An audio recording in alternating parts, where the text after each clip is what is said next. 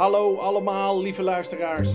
David hier, auteur van het boek How to Not Kill Yourself en maker van deze podcast slash pep talk samen met andere leuke mensen.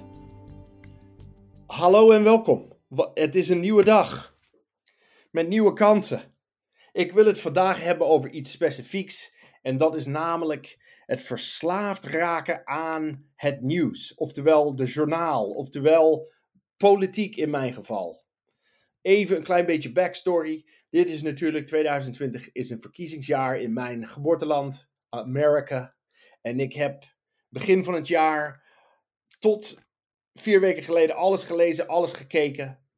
Geabonneerd op New York Times, The New Yorker alles in de Atlantic gelezen en voor het balans om de rechterkant te lezen en me te laten informeren.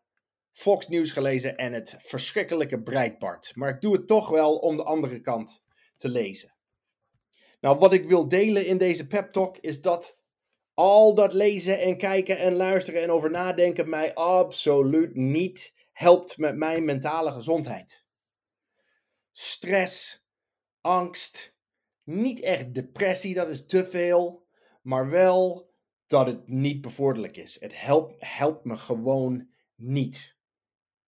Dus ik ben uh, nou, 23 dagen geleden inmiddels begonnen met dat intermittent fasten. Daar had ik het vorige week over in de pep talk. En op dat moment heb ik ook besloten, weet je wat ik doe? Ik stop met CNN kijken, want CNN was eigenlijk de enige kanaal, dat en de Golf Channel. Ik hou daarvan.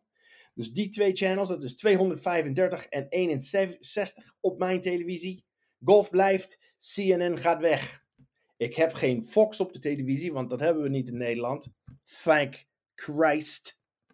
In ieder geval alle apps, New Yorker, afgezegd. New York Times, afgezegd. Ik ben gestopt met het lezen van het nieuws, met het innemen van wat er speelt qua politiek in Amerika. Ik weet het niet meer. En ik ben, was absoluut een junkie van het eerste uur wat betreft nieuws over politiek in Amerika. De verkiezing is afgelopen. Wat, wat Trump er ook zegt, het is afgelopen. Biden en Harris hebben gewonnen. En, en ik weet voldoende. Ik ben gestopt. En dat lukt me heel erg goed. Maar af en toe lees je wel iets, begin ik aan een artikel, zie ik iets op televisie online en dan letterlijk als ik begin te lezen over een, over een of andere krankzinnige actie die, die, die de, de soon-to-be ex-president uithaalt, dan voel ik het. Ik voel me, mijn bloeddruk, ik voel mijn stress omhoog gaan, ik, ik, ben, ik word gespannen, ik denk te veel na, oh, het gaat allemaal naar de kloot. Stoppen. Echt stoppen. Diep ademhalen en weer verder gaan. En dat is fijn. Het is niet zo dat het eh, met alcohol of met uh, verdovende middelen voor mij. Het is niet zo dat het echt een, een, tot, tot uh, rampzalige dingen zou kunnen leiden als ik wel iets lees. Maar mijn, mijn houding is, is veranderd. En dat helpt enorm. Als ik lees, en ik ben wel iemand die heel veel leest. Ik heb op mijn bureau hier achter de laptop vijf boeken op een stapel plus mijn Kindle en ik kan niet niet lezen. Ik ga gewoon lezen, maar ik doe politiek en het nieuws, ook wereldnieuws over klimaat en wat dan ook. Ik doe het niet meer. Nederlandse politiek, nee. Het, het helpt me niet. En misschien, misschien helpt het jou ook niet. Maar we moeten af en toe wel wat weten over wat er speelt, toch? Ik bedoel, we zijn wereldburgers ik heb een tip en ik ga mijn tip met jullie delen over, over hoe je toch wel eh, het enige kan horen als je dat wil. En dat is namelijk het volgende. Volg comedians. Ik zeg het en herhaal het. Follow the comedy.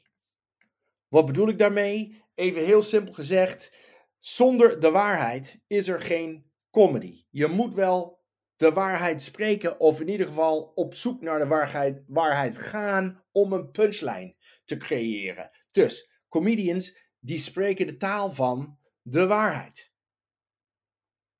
En als ik toch wel nieuwsgierig ben, dan ga ik persoonlijk, dit is mijn keuze, jullie zoeken je eigen comedians op. Maar wat ik doe, ik ga eerst naar Stephen Colbert.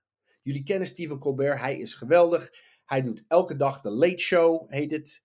Hij doet elke dag monologen en, en daar heeft hij het over, over de wereldpolitiek. En, en voornamelijk over Trump. Maar niet alleen, maar wel heel veel. En dan luister ik hoe hij het doet. Hoe hij het ziet.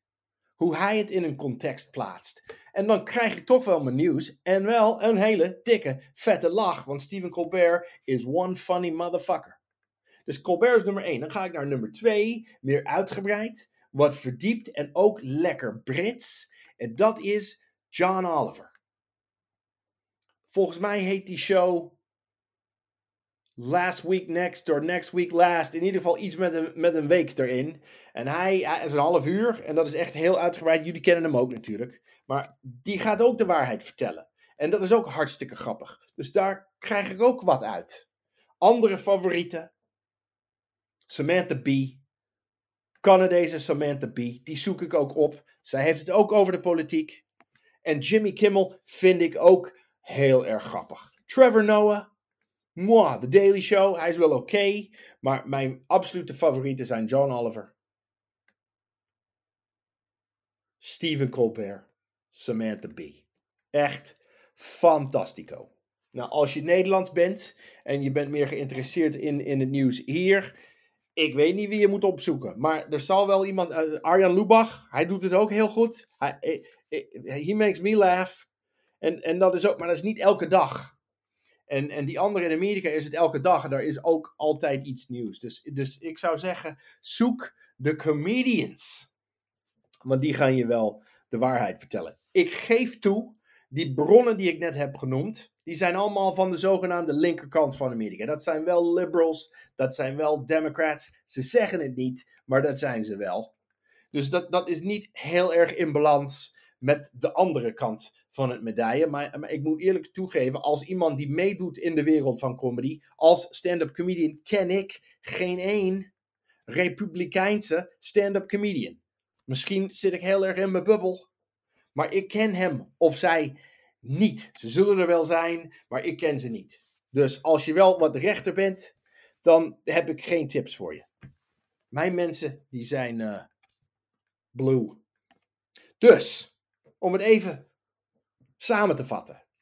Te veel nieuws equals te veel stress.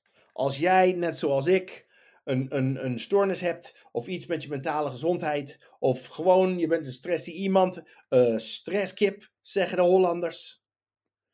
Stop ermee. Of in ieder geval drastisch verminderen. Je hebt het niet nodig. You can get your news from funny people. En dat is voldoende.